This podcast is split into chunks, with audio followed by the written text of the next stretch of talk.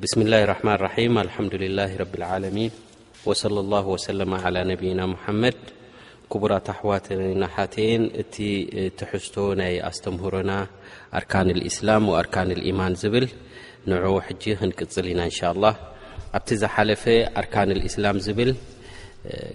ብትንታነ ርኢናዮ እተን ሓሙሽተ ዓንድታት ናይ እስልምና እተን ሓሙሽተ ዓንድታት ናይ እስልምና ምስ መግለጺኤን ከምኡ ድማ ሲፋ ናይ ሰላት ዘለዎ ትምህርትና ወሲድና ከምኡ እውን ሱረት ልፋትሓ እናደጋገምና ክንቀርኣ ምእንትን ከምዚ ክሰምዕዎ ዝፅናሕኩም ካብቶም ቁርን ብደንቢ ገይሮም ዝቐርኡ ምእንትን ሱረት ልፋትሓ ክንሓፍዝ ድማ ክትሰምዑ ፀኒሕኩም ማለት እዩ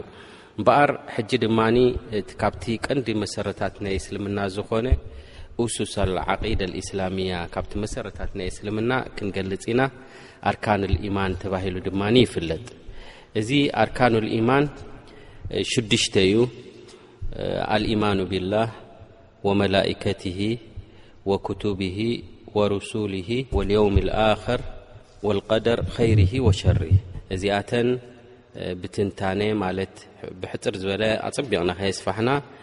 ክንገልፆ ኢና እንሻ ኣላ እምበኣር እዚአን ሽዱሽተ መሰረታት ናይ እስልምና እምነት ዝገለፅና እየን ኩላቶም ነቢያት ካብ ነብላህ ኖሕ ጀሚርካ ክሳብ መጨረሻ ነብና ሙሓመድ ለ ሰላ ወሰላም ኣብዘን ተሐዝቶ እዚአን ናይ እምነታት መሰረታት ኣይፈላለዩን እዮም ኣብ ምንታይ እዩ ፍልልያት ዘሎ ኣብቶም ናይ ነብያት እንተ ኢልና ኣብቲ ናይ ሕጊ ወይ ኣብቲ ሸሪዓ ይፈላለዩ እዮም ሙምኪን ኣብ ስያም ወይ ኩነት ናይ ሰላት ወይ ናይ ዘካት ይኹን ካልእ ነገራት ክፈላለዩ ይኽእሉ ኣማ ዘን ሽዱሽተ እዚኣተን ኩላቶም ነብያት ሓደ ዓይነት እምነት እዮም ኣተሓላሊፎም ማለት እዮም ክፈላለዩ እውን ኣይክእልን እዩ ምክንያቱ ናብ ሓደ ጎይታ ናብ ሓደ ኣላ እዮም ዝዕድሙ ነይሮም እቲ እምነት ድማ ኣብ ሓደ ግዜ ካልእ እምነት ኣብ ካልእ ግዜ እውን ካልእ እምነት ተባሂሉ ክፍለይ ኣይክእልን እዩ መላእካ ረቢ ስብሓን ወተዓላ ካብ ዝኸልቆም ክሳብ ሕጂ ዘለዉ እዚኣቶም ውን ብእም ማለት ናታቶም ውን ሓደ ዓይነት ትሕዝቶ እዩ ዘሎ እምነት ብመጻሕፍቲ ብክቱብ ዝወረደ ካብ ረቢ ስብሓን ወተዓላ ዝተፈላለየ ህዝብታት ዝተፈላለየ መጻሕፍቲ ወሪዱ እቲ ትሕዝቶ ናይቲ መጽሓፍ ድማ ወላ እኮ ኣብቲ ሸሪዓ እንትተፈለየ ኣብቲ ናይ እምነት ግን ሓደ እም ኣይፈላለዩን እዮም ከምኡ ድማ እቲ ነቢያት ዘይሓለፎም ህዝቢ የለውን፣ ኩላቶም ብነቢይናቶም ክኣምኑን ከምኡ ድማ ብመላእ መጀመርያ ዝተልኣኹን ብድሕሪኦም ዝለኣኹን ነቢያት ድማ ክኣምኑ ኣለዎም። ስለዚ ኣብዚ ትሕዝቶ እውን ዘፈላለዩ ነገር የለን ወልዮም ልኣክር ናይ መጨረሻ ዮም ልቅያማ ድማ ኩላቶም ነቢያት ምጸተ ዓለም ከም ዘሎ እዛ ዘለናያ ዓለም በሪሳ ኮም ብሓድሽ ሓድሽ ካልእ ጀናን ጀሃነምን ዘለዎ ማለት ገነትን እሳትን ዘለዎ ቦታ ከም ዘሎ ድማ ኩሎም ነቢያት ምሂሮም እዮም ኣሰለን እቲ እምነት ብረቢ ተኣምኖ ምእንቲ ረቢ ኢልካ ትሰርሖ ፃማ ናትካ መዓስ ኢካ ትኽፈሎ እንተ ተባሂሉ ኣብ ጀና ምስ ኣተወ እዩ ሰብ ጻምኡ ዝረክብ ማለት እዩ እቲ ማለት ነይ ዘይተግበረ ድማ መቕጻዕቱ ድማ ኣብ ሓዊ ጀሃንም ይወስድ ማለት እዩ ከምኡ ድማ ኩሉ ነገራት ኣብዚ ዓለም እዚ ዝፍፅምን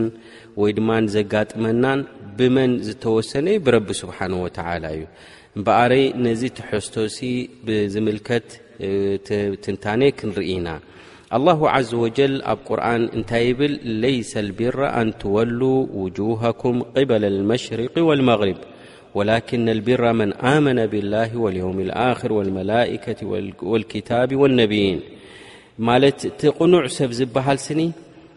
ናብ ምስራቕን ናብ ምዕራብን እናገበርካ ተኣምኖ ጥራሕ ወይ እሱ ጥራሕ ኣይኮነን እቲ ቀንዲ ቢር ቅኑዕ እምነት ዝበሃል እቲ ቅኑዕ ዝበሃል እንታይ እንት ኢልካ መጀመርያ ብረቢ ብቲ ፈጣሪኻ ሰማይን መሬትን ዝፈለጠረ ብጀካ ንዑ ክምለኽ ዘይብሉ ዝብል እምነት ኣሚንካ ብኡ ንዑ ከተምልኽ ከለኻ እዚ እቲ ቅኑዕ ዝበሃል ከምኡ ድማ ብዮም ልኣራ ክትኣምን ከለኻ ከምኡ እውን ብመላእካን ብክታብን ብነብያትን ምእማን እዚ እቲ ቅኑዕ እዚ እቲ ቢር ዝበሃል ኢሉ ረቡና ዘ ወጀል ማለት እዩ እምበኣር እዚ ትንታነ ናይ ኢማን እዚ ኣገዳሲ ስለ ዝኾነ ጅብሪል ዓለ ሰላም ናብ ረሱል ዓለ ሰላት ወሰላም መፂኡ ብዛዕባ እምነት ንገረኒ ኢሉ ሓቲትዎም ብዛዕባ እምነት እንተ ደኣ ሓቲትካ እምነት ማለት ኢሎ እሞ ብሓደ ኣላህ ክትኣምን ብመላእካ ክትኣምን ብመጻሕፍቲ ካብ ኣላህ ዝወረዱ ክትኣምን በቶም ልኡኻት ካብ ኣላህ ዝተላእኹ ክትኣምንን ብመጨረሻ መዓልቲ ደቂ ሰባት ናይ መጨረሻ መዓልቲ ከም ዘሎ ጀናን ጀሃነምን ተባሂሉ ዝፈላለዩሉ መዓልቲ ከም ዘሎ ክትኣምንን ኩሉ ዘጋጥመካ ጽቡቕን ሕማቕን ይኹን ድማ ካብ ረቢ ስብሓን ወተዓላ ምዃኑ ክትኣምን እዚ እዩ እቲ እምነት ኢሎም ኣነቢ ዓለ ሰላት ወሰላም መሊሶምሉ እዘን እምበኣረይ ቀዳማይ እንታይ ገሊጾምሉ ኣልኢማኑ ቢላህ ዝብል ገሊጾምሉ እምበኣረይ ኣልኢማኑ ቢላህ ብረቢ ስብሓን ወተዓላ ምእማን እዚ ዩ እቲ ኣገዳሲ ነገር ብረቢ ስብሓን ወተዓላ ወይ ብኣላህ ስብሓን ወተዓላ ክትኣምን ኣለካ ክበሃል እንከሎ መጀመርያ ኣልኢማን ብውጁድ ላሂ ተዓላ ረቢ ኣላ ስብሓን ወተዓላ ህልው ምዃኑ ኣላህ ስብሓን ወተዓላ ሰማይን መሬትን ዝፈጠረ ኣሎ ኢልካ ምእማን እዚ ኣልኢማኑ ቢላህ ሓደ ካብኡ እዩ ማለት እዩ ክፍልታት ናይ ኢማኑ ቢላህ ክትብል ከለኻ ብህላወ ናይ ኣላ ስብሓን ወተዓላ ምእማን እዩ ህላወ ናይ ኣላ ስብሓን ወተዓላ ምእማን ኩሉ ፍጡር ድሰማማዓሉ እዩ ማለት ብጀካቶም ካብ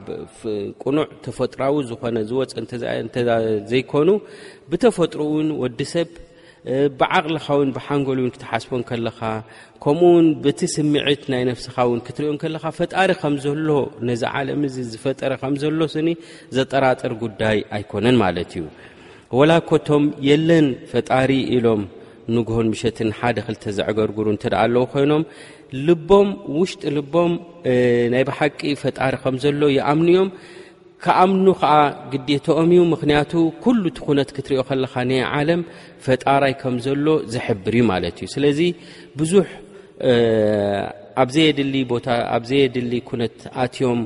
ፅባሕ ንግሆ ኣደዳ መቕፃዕቲ ካብ ዝኾኑ እውን ናይ ግድን ተገዲዶም በዚ ፈጣሪ እዚ ብኣላ ስብሓን ወተዓላ ኣሚኖም ከንብርከኹሉን ክሰግዱሉን እቲ ትእዛዛት ናይ ኣላ ስብሓን ወተዓላ ክፍፅሙን ጥራሕ እዩ ዘለዎም ማለት እዩ እንተ ደይፈፂሞም ድማ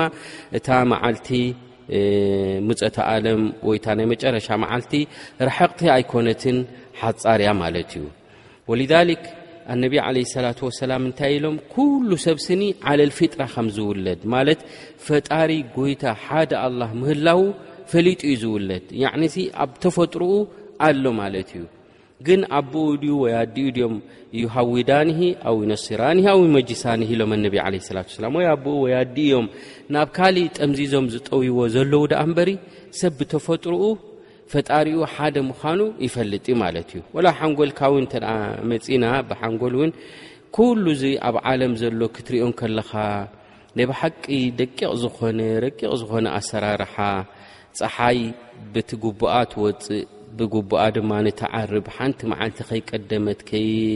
ከይደንጎየት ከምኡ ውን ኩነታት ናይ ዓለም ኩነታት ናይ ሰማይ ኩነታት ናይ መሬት እዚ ኩሉ ዚ ክትርኢ ከለኻ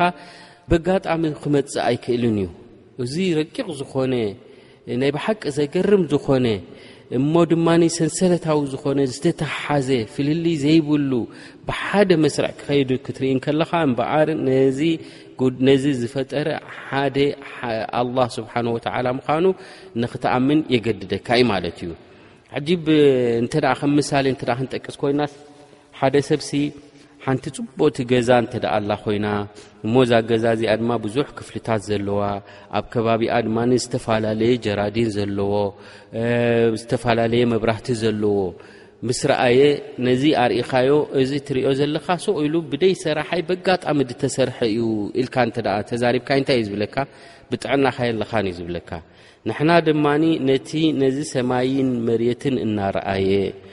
ኣፈጣጥራ ናይ ደቂ ሰባት ካብ ኣብ ከብድዲኦም እንከለዉ ተዓባብኦም ከምኡ ድማ መውፅኢ ረቢ ስብሓን ወተዓላ ኣፍኪሱሎም እዚ ኩሉ እዚ ኩነት ክትርኢ እንከለኻ እንታይ የረዳእካ ማለት እዩ ፈጣሪ ከም ዘሎ ማለት እዩ ወልክ ረና ዘ ወጀል ኣብ ቁርን እንታይ ኢሉ ኣም ኹሊቁ ምን غይሪ ሸይእን ኣም ሁም ልካሊቁን ብዘይ ሓደ ነገር ብዘይ ሓደ ፈጣራይ ሱቕ ኢሎም ሃንደበት መፅኦም ማለት ድዩ ወይስ ባዕላቶም እዮም ነፍሶም ፈጢሮም ይብል እዘን ባዕልና ንባዕልና ነፍስና ክንፈጥር ኣይንኽእልና ፈጣሪ ኣለና ማለት እዩ እቲ ፈጣሪና ድማ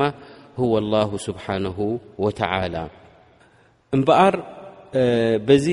ፈጣሪ እዚ ህሉ ምዃኑ ክትኣምን እዚ ሓደ ካብቲ ኣልኢማኑ ቢላህ ማለት እዩ ኣልኢማኑ ቢላህ ፈጣሪ ህልው ምዃኑ ብዙሕ መርትዖታት እውን ኣየድልዮን እዩ ማለት እዩ ባዕሉ እቲ ልቢ ሰብ ባዕሉ ተፈጥሮኡ ሓደ ሰብ ክጭነቕን ክሽገርን እንከሎ ባዕሉ ብኤዳዊ ኣልዒሉ ናብ ሰማይ ካብ ሰማይ ድሕነትን ወይ ድማ ገለ ነገር ካብቲ ዘለዎ ማዕዘቕቲ ደውፅ ሓይሊ ከም ዘሎ ባዕሉ እንታይ ይገብር ማለት እዩ ኣብ ግዜ ሽግሩ እውን ፈጣሪ ከም ዘሎ ይኣምን እዩ ማለት እዩ ከምኡ እውን ኣላ ስብሓን ወተዓላ ብጣዕሚ ርህሩህን የዋህን ስለ ዝኾነ ድማ ዝተፈላለየ መርትዖታት ድማ ንደቂ ሰባት ምናልባሽ ፅባሕ ንግሆ ኣብ መቕፃዕቲ ናይ ጀሃንም ምስ ኣተዉ ሳይፈለጥናን ኢሎም ምክንያት ከየቕርቡ ብዙሕ ነገራት እውን ኣላ ስብሓን ወተዓላ ኣላ ህሉ ምዃኑ ዘረጋግፅ መርትዖታት ኣቕሪቡ ማለት እዩ ሓደ ካብኡ ዝተፈላለዩ ነቢያት ኣብ ዝተፈላለየ ህዝቢ ተላኢኾም እዮም ማለት እዮም እዞም ነቢያት እዚኣቶም ዝሰርሕዎ ዝነበሩ ሙዕጂዛት ተኣምራት ዘደንቕ ዝኾነ ሰብ ብናይ ተፈጥራዊ ሰብ ወይ ብድኹም ዝኾነ ፍጡር ሰብ ክስራሕ ዘይክእል ዝሰርሕዎ ዝነበሩ እዚ ናይቲ ዝለኣኸና ጎይታ እዩ እናበሉ ዝሰርሕዎ ዝነበሩ እዚ ንገዛ ርእሱ ሓደ መርትዖ እዩ ማለት እዩ ከምቲ ፍሉጥ ሰይድና ሙሳ ዓለይ ሰላም ምስ ፍርዖን ፍርዖን ክቐትሎም ምስ ደለየ ወታደራቱ ሒዙ ምስ መፀ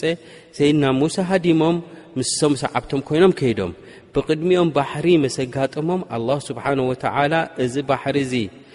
ብቕድሚኦም ምስ ኮነ እሞ ድማ ብድሕሪኦም እውን ፀላኢኦም ምስ ወታደራቱ ምስ መፀ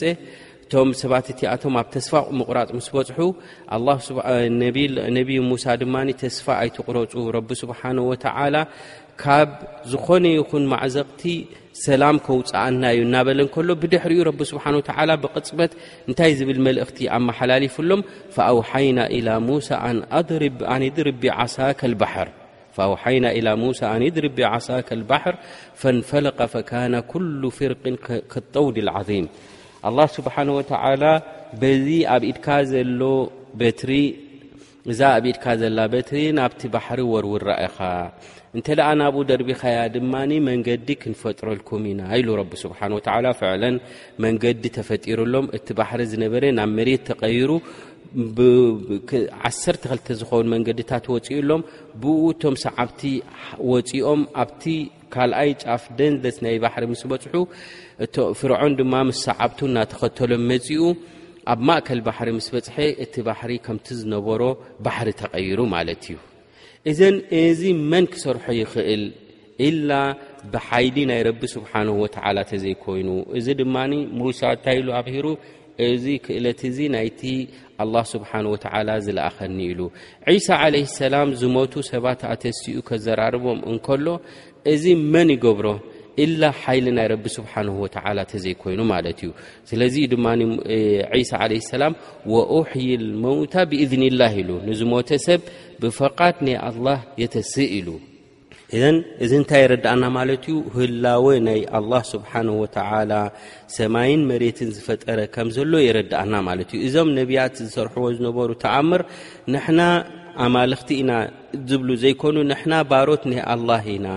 እዚ ድማ ብፍቓድ ናቱ ዝስራሕ ዘሎ እዩ እናበሉ የስተምህሩ ነይሮም ማለት እዮም ወሊዛሊክ ካብቶም ብዙሕ ተኣምራት ዝሰርሑ ሓደ ነቢይና ሙሓመድ ዓለ ሰላት ወሰላም እዮም ነቢና ሙሓመድ ብዙሓት ህዝቢ ተኣኪቦም መጺኦም ፈጣሪ ኣሎ እናበልካ ስለ ትዛረብ ደለኻስ ፈጣሪ ከም ዘሎ ሓደ ዓብዪ ዝኾነ ተኣምር ከተርእየና ኣለካ ኢሎም ህዝቢ መካ ተኣኪቦም እቶም ፈላጣት ዝበሃሉ ሰባት መጺኦም ናብ ረሱል ሓደ ተኣምር ኣርእየና ኢሎሞም እንታይ ኢኹም ትደልዩ ተኣምር ሰብ ክሰርሖ ዘይክእል ልዕሊ ዓቕሚ ሰብ ዝኾነ ምስ ትሰርሕ ሽዑ ኢና ናይ ብሓቂ ፈጣሪ ከም ዘሎን ከምኡ ድማ ንስኻ ልኡኹ ምዃንካን ክንኣምን ንኽእል ኢሎሞም እንታይ ጠሊቦም ማለት እዮም እዛ ወርሒ እዚኣ እናረኣናያ እንከለና ወርሒ ከይዱ ሰብ ክቐርባ ኣይክእልን እዩ ወይ እውን ብኢዱ እውን ተመጣጢሩ እውን ሓደ ነገር ገብረላ ኣይክእልን እዩ እዛ ወርሒ እዚ ኣናረኣናዮ ከለና ኣብ ክልተ ምቐላ ኢኻ ኢሎሞም ንረሱል ዓለ ሰላት ወሰላም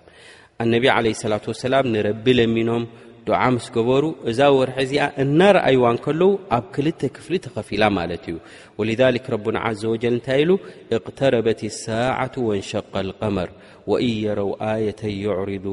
ወየቁሉ ስሕሩ ሙስተምር እዚ እንታይ የረዳእና ማለት እዩ መን እዩ እዚ ዓይነት እዚ ክገብር ዝኽእል መን እዩ እዚ ዓይነት እዚ ስራሕ ክሰርሖ ዝኽእል ኢለ ኣላህ ስብሓን ወተዓላ እምበኣር ኣላህ ስብሓን ወተዓላ ህሉው ምዃኑ እቶም ነቢያት እውን ሓቀኛታት ምዃኖም ዘረጋግጽ እዚ ዓይነት እዚ ተኣምራት ይሰርሑ ነይሮም እምበኣረይ ብህላወ ናይ ረቢ ክትኣምን ኣለካ ኩሉ ኣብዛ ዓለም እዚ ዘሎ ድማኒ ኩሉ ዋንነት ናይ ረቢ ስብሓን ወተዓላ ምዃኑ ኣላህ ስብሓን ወተዓላ ብዘይ ሓጋዚ ብዘይ ረዳኢ ድማኒ ብቓል ጥራሕ ኩን ኢሉ ዝፈጥር ክእለት ከም ዘለዎ ኣላ ስብሓን ወተዓላን ናቱ ዋንነት ምዃኑ ድማ ክትኣምን ኣለካ ማለት እዩ ኣልኢማኑ ቢላ ክበሃል እንከሎ ብህላዊኡ እንተ ኣሚንካ ኩሉ ብዓለም ዘሎ ዝንቀሳቐስ ኩሉ ብዓለም ዘሎ ኩነት ድማ ናቱ ፍጡር ምዃኑ ምእማን ማለት እዩ ወልክ ረቡና ዘ ወጀል እንታይ ኢሉ ኣላ ለሁ ልኸልቁ ወልኣምር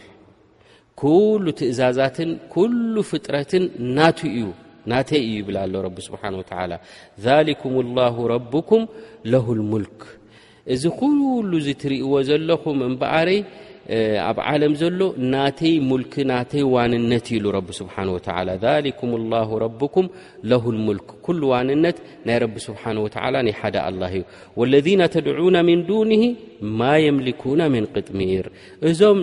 ንኣላህ ገዲፍኩም ትፅውዕዎም ዘለኹም ትልምንዎም ዘለኹም ተስፋ ተንብርሎም ዘለኹም እዚኣቶም ካብ መሬት ወይ ካብ ሰማይ ዝውንንዎ ወላ ዝነኣሰ ነገር እውን የለን ስለዚ ንሳቶም ዝውንንዎ ነገር እንተ ኣ ደ ሃልዩ ኮይኑ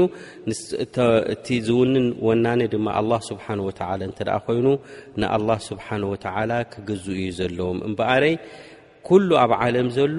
ዋንነት ናይ ረቢ ምዃኑ ክንኣምን ኣለና ማለት እዩ እቶም ረቢ የለን ድብሉ እውን ይፈልጡኦም ኩሉ ዋንነት ናይ ኣላ ስብሓን ወተዓላ ምዃኑ ንደቂ ሰባት ከደናገሩ ፈጣሪ የለን ወላ እንተበሉ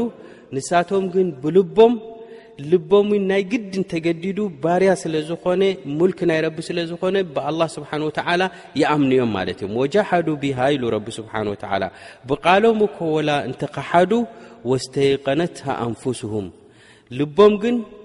እንታይ ኣሚኑ ኣሎ ማለት እዩ ናይ ብሓቂ የረጋግፅ እዩ ብጀካ ሓደ ኣላ ብጀክኡ ካሊእ ከም ዘየሎ ይኣምኑ እዮም ላኪን ዝኽሕዱ ዘለዉ ዙልመን ወዕልዋ እዩ ናይ ዓመፅን ናይ ትዕቢት እንተዘይኮይኑ ረቢ ስብሓን ወተላ ከም ዘሎ ይፈልጡ እዮም ኢሉ ረቡና ዘ ወጀል እዘን እምበኣረይ ኣላ ስብሓን ወተላ ህሉ ምዃኑ ኩሉ ኣብ ዓለም ዘሎ ዋንነት ናቱ ምዃኑ እቲ ወናኒኡ ረቢ ስብሓን ወተዓላ ምዃኑ ምእማን እንተ ደኣ ረቢ ስብሓን ወተዓላ ንሱ ምዃኑ ዋና ኣሚንካ ድማ እንታይ የድሊ ማለት እዩ ንዕኡ ንብሕቱ ከተምልኾ ኣለካ ኣብ ኣምልኾት ክኸውን ከሎ ዕባዳ ክትገብር ከለኻ ድማ ንኣላ ስብሓን ወተዓላ ንበይኑ ኢኻ ክትግዝኦ ዘለካ ወልሊክ ረቡና ዘ ወጀል እንታይ ይብል ማለት እዩ ወኢላሁኩም ኢላሁ ዋሕድ ላኢላሃ ኢላ ሁወ ኣራሕማኑ ራሒም እምበኣረይ እቲ ርህሩህ ለዋህ ዝኾነ ኣላ ስብሓን ወተዓላ ብጀክኡ ካሊእ ኣምላኽ የብልኩምን ካሊእ ፈጣሪ የብልኩምን ስለዚ ንዕኡ ጥራሕ ተገዝኡ ኢኹም ክትግዛእ እንተ ደ ኮንካ ንኣላ ስብሓን ወተዓላ ተገዛእኻ ዒባዳ ክትገብር እንተ ኮንካ ንብሕቱ ንኣላ ስብሓን ወተዓላ ክተምልኾ ኣለካ ንኻሊእ እንተ ተምልኽ ኮንካ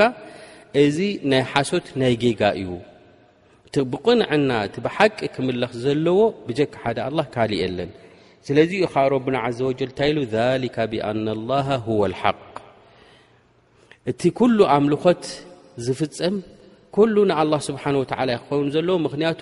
ህወ ልሓቅ እሱ እቲ ናይ ብሓቂ ሓቀኛ ኣላ ስብሓን ወተላ እቶም ካልኦት ላኪን ወኣነማ የድዑና ምን ዱኒ ህወ ልባጥል ንረቢ ገዲፍካ ኩሉ ትግዝኦ ዝግዝእዎ ዘለዉ ደቂ ሰባት እዚ ናይ ቅኑዕ ዘይኮነ ናይ ጥፍኣት መንገዲ እዩ ወኣና ላ ህወ ልዓልዩ ልከቢር እቲ ልዑልን ዓብይን ዝኾነ ክምለኽ ዘለዎ ህወ ላ ዘ ወጀል ጥራሕ እዩ ማለት እዩ ስለዚ እምበኣረይ እዕቡዱ ላሃ ማለኩም ምን ኢላሂን غይሩ ይብሉ ነይሮም እቶም ነቢያት ዝተላኣኹ እምበኣር ክምለኽ ዘለዎ ክግዛእ ዘለዎ ብጀካ ሓደ ኣላህ ተዘይኮይኑ ካሊእ ክምለኽ የብሉን ማለት እዩ ምክንያቱ እቶም ካልኦት ኣማለኽቲ ተባሂሎም ዝግዝእዎም ደለዉ ደቂ ሰባት ንዕኦም እዚኣቶም ሲ መንጎኛ ኮይኖም ከብፅሑና እዮም ወይ ድማ ንሳቶም ሲ ክእለት ተዋሂብዎም ዩ ክእለት ኣለዎም እዩ እናበሉ ድግዝእዎም ዘለዉ እዚ ዋንነት ናይ እዚ ምልክ እዚ ዕባዳ እዚ ንዕኡ ንኣላ ስብሓን ወተዓላ እተዘይኮይኑ ንካሊእ ኣይግባእን እዩ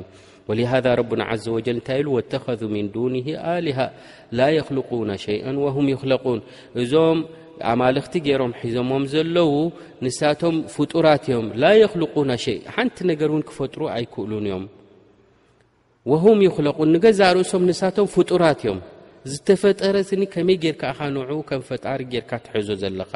ወላ የምሊኩና ሊኣንፉሲህም ضሮን ወላ ነፍዓ ንነፍሶም ሲ ሓንቲ ጉድኣት ይኹን ወይ ጥቕሚ ይኹን እውን ጉድኣት መፂኡ ጉድኣት ከላኸሉ ኣይክእሉን እዮም ጥቕሚ ደልዮም ንነፍሶም እውን ክጠቕሙ ኣይክእሉን እዮም ካብ ሞት እውን ንነፍሶም እውን ክከላኸሉ ኣይክእሉን እዮም ስለዚ ሞት እኮ ንነፍሶም ክከላኸሉ ዘይክእሉ ስኒ ከመይ ጌርካ እኻ ንዖም ክትግዝኦም እምበኣረይቲ ክትግዝኦ ዘለካ ህያው ዝኾነ ኣለዚ ለም የሊድ ወለም ይውለድ ዘይወለደ ዘይተወልደ ንዕኡ ኣምሳያ ዘይብሉ ንዕኡ ድመስል ዘየሎ ዝኾነ ጎይታ ስብሓንሁ ወተዓላ ንዑ ጥራሕኻ ክትግዝኣን ከተምልኽን ዘለካ ማለት እዩ ከምኡ ድማ ኣልኢማኑ ቢላህ ክበሃል ከሎ ኣላ ስብሓን ወተዓላ ንዕኡ ምሩፅ ዝኾነ ብሉፅ ዝኾነ ኣስማት ኣለዎ መግለፂ ናት እውን ፍሉይ ዝኾነ ዘለዎ ጎይታ እዩ ስለዚ ነቲ ኣላ ስብሓን ወተዓላ ብኣስማቱ ይኹን ብመግለጺኡ ኹን ንዑ ዝመስል ዘይብሉ ዝኾነ ንዑ ኢኻ ክትግዛእን በቲ ኣስማቱ ኣሚንካ ድማ በቲ ኣስማቱ እናለመንካ ከተምልኾ ዘለካ ማለት እዩ እምበኣር ኣላህ ስብሓን ወተዓላ ለይሰ ከሚትልሂ ሸይ ወሁወ ሰሚዑ ልበሲር ኣላህ ስብሓን ወተዓላ ንዕኡ ዝመስል የለን ኣላህ ድማ ሰማዓይን ረኣይን እዩ ስለዚ ረቡና ዓዘ ወጀል ድሰምዕን ዝርእን ዝኾነ ንዕኡ ድመስል ዘይብሉ ንዕኡ ንብሕቱ ኢኻ ከተምልኾን ክትግዝኦን ዘለካ ማለት እዩ እምበኣረይ ብኣላህ ስብሓን ወተዓላ ምእማን ንኣላህ ስብሓን ወተዓላ ንስኡ ጎይታይ ኢልካ ክትግዝኦን ከተምልኾን ከለኻ እዚ ብዙሕ ፍረታት ብዙሕ ጥቕምታት ኢኻ ትረኽበሉ ማለት እዩ ቀዳማይ ካብቲ ብሓደ ኣላህ ምእማን ዘስዕቦ ወይ ድማ እትረኽቦ ጥቕሚ እንታይ እዩ እንተ ተባሂሉ ልብኻ ብጀካ ናብኡ እንተዘይኮይኑ ናብ ካሊእ ኣይጥንጠልን እዩ ማለት እዩ ንዑ ኢኻ ትፈራሕ ንዑ ኢኻ ተስፋ ትገብረሉ ንዑ ኢኻ ድማ ንተምልኾ ማለት እዩ እዘን እንታይ ትኸውን ኣለኻ ማለት እዩ ናፅነት ኣለካ ነፃ ኢኻ ንስኻ ማለት እዩ ንኸማኻ ፍጡር ኣይተምልኽን ኢኻ ንኸማኻ ፍጡር ኣይትግዛእን ኢኻ ብቐጥታ ንመን ኢኻ ተምልኽ ንመን ኢኻ ትግዛእ ዘለኻ ማለት እዩ ንኣላህ ስብሓን ወተዓላ ኢኻ ትግዛእ ማለት እዩ ምኽንያቱ ንሱ እዩ ፈጣሪ ልብኻ ድማ ምስኡ ጥራሕ እዩ ክፅጋዕ ማለት እዩ ናብኡ ተዘይኮይኑ ንኻሊእ ኣይትምርከኽን ኢኻ ማለት እዩ ከምኡ ውን ኣላ ስብሓን ወተዓላ እንተ በቲ ልዑል ዝኾነ ኣስማቱን በቲ ምሩፅ ዝኾነ መግለፂኡን እተ ብሓቂ እተ ፈሊጥካዮ ድማ ናይ ብሓቂ ፍቕሪ ክህልወካ እዩ ምስ ረቢ ስብሓን ወተዓላ ናይ ብሓቂ ንኣላ ስብሓን ወተዓላ ኣብ ልብኻ ዕብት ክህልዎ እዩ ማለት እዩ ምክንያቱ ኣላ ስብሓን ወተላ ንዑ ዝመስል የለን ኩነታት ናቱ ምስ ረኣኻ ዕብት ናቱ ምስ ፈለጥካ ብጀካ ንዑ እተዘይኮይኑ ንኻሊእ ኣይክትግዛእን ኢኻ ኣይከተምልኽን ኢኻ ማለት እዩ ከምኡ እውን ኣላ ስብሓን ወተላ ፈጣሪ ሰማያትን መሬትን ንሱ ወዳዲ ናይ ኩሉ ነገር ምዃኑን እንተ ፈሊጥካ ድማ ኩሉ ንሱ ድእዝዞ ክትፍጽም ኢኻ ኩሉ ንሱ ዝኽልክሎ ድማ ክትክልከል ኢኻ ምክንያቱ ኮሊልካ ኮሊልካ መምለስ ኢኻ ናብኡ ስለ ዝኾነ ማለት እዩ ስለዚ ኣንታ ኣብ ክሕደት ዘለኻ እንታይ ክትገብር ኣለካ ማለት እዩ ብሕጂኡ ገና እቲ ግዜ ትዕድል ተዋሂቡካ ደሎ ክትጥቀመሉ ኣለካ ምክንያቱ ኮሊልካ ኮሊልካ ተመሊስካ ናብኡኢኻ ክትከይድ ማለት እዩ እሞ ኣንታ ኣማኒ ዝኾንካ ድማ ብረቢ ስብሓን ወተዓላ ምእማንካ ኣላ ስብሓን ወተዓላ ንሱኡ ሰማይን መሬትን ዝፈጠረ ብጀክኡ ክምለኽ ዝግብኦ የለን ኢልካ ናብ ኣላ ስብሓን ወተዓላ ትንብርከኽን ናብ ኣላ ስብሓን ወተዓላ ትምለሶን ዘለኻ ፅባሕ ንጎ ድማኒ በቲ ግቡእ ዕባዳ እንተ ደኣ ጌርካ ንኣላ ስብሓን ወተዓላ እንተ ኣምሊኽካዮ ካብቲ ዝኸልከሎው እንተ ተኸልኪልካ ፅባሕ ንጎ ፃማኻን ፍረኻን ካብቲ